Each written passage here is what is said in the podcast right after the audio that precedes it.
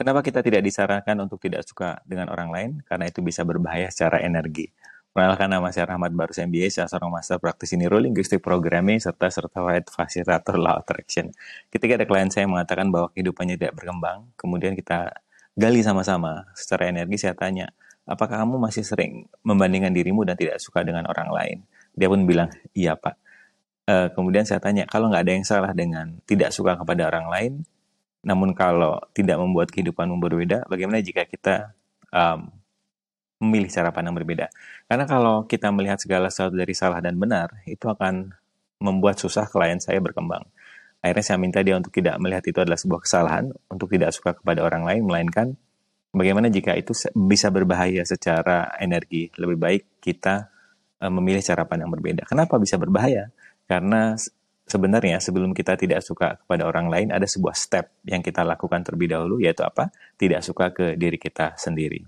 Karena ketika Anda melihat uh, teman Anda sukses dan kemudian biasanya sebelum Anda tidak suka kepada teman Anda yang sukses itu, Anda sudah tidak suka dulu kepada diri Anda dengan mengatakan, lu ke mana aja sih, ngapain aja sih, udah susah gini belum ngapa-ngapain dan segala dan segala dan akhirnya Anda memberikan tekanan yang luar biasa ke dalam diri Anda dan akhirnya Anda selalu melihat diri Anda salah dan seperti yang kita sudah pahami bersama kalau kita kaitkan dengan law attraction atau energi saat kita melihat kekurangan diri kita melihat diri kita salah vibrasi kita rendah dan hanya akan didatangkan oleh law attraction. Eh si Rahmat vibrasinya lagi rendah nih, moodnya lagi turun nih, oke deh akan aku tarikan hal yang sama dengan yang dia fokuskan yaitu drama trauma, stres yang juga secara vibrasi rendah.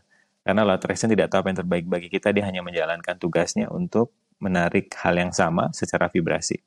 Nah, saran saya berhenti melihat uh, berhenti me, me, tidak suka pada orang lain karena anda lebih dulu tidak suka ke dalam diri anda dan yang kedua adalah acknowledge pencapaian Anda.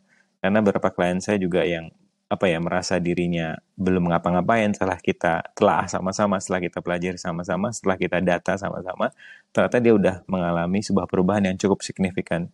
Namun karena dirinya tidak pernah me-acknowledge, mendata pencapaian dia sudah sejauh mana, dan kerjaannya tiap hari selalu melihat orang lain sampai sampai mana perkembangan orang lain, akhirnya dia masuk ke kompetisi yang sebenarnya nggak salah juga, tapi bagaimana jika kompetisi satu satu yang paling penting adalah kita selalu berkompetisi dengan diri kita yang kemarin sedikit saja lebih baik dibandingkan hari ini sedikit saja lebih baik dibandingkan hari kemarin. Asik ya? Sampai ketemu di episode berikutnya dan please please please berhenti membandingkan dengan orang lain. Uh, akui, sadari, catat sampai mana perkembangan diri Anda sejauh ini. Ya? Sampai ketemu and let's have fun. Bye bye.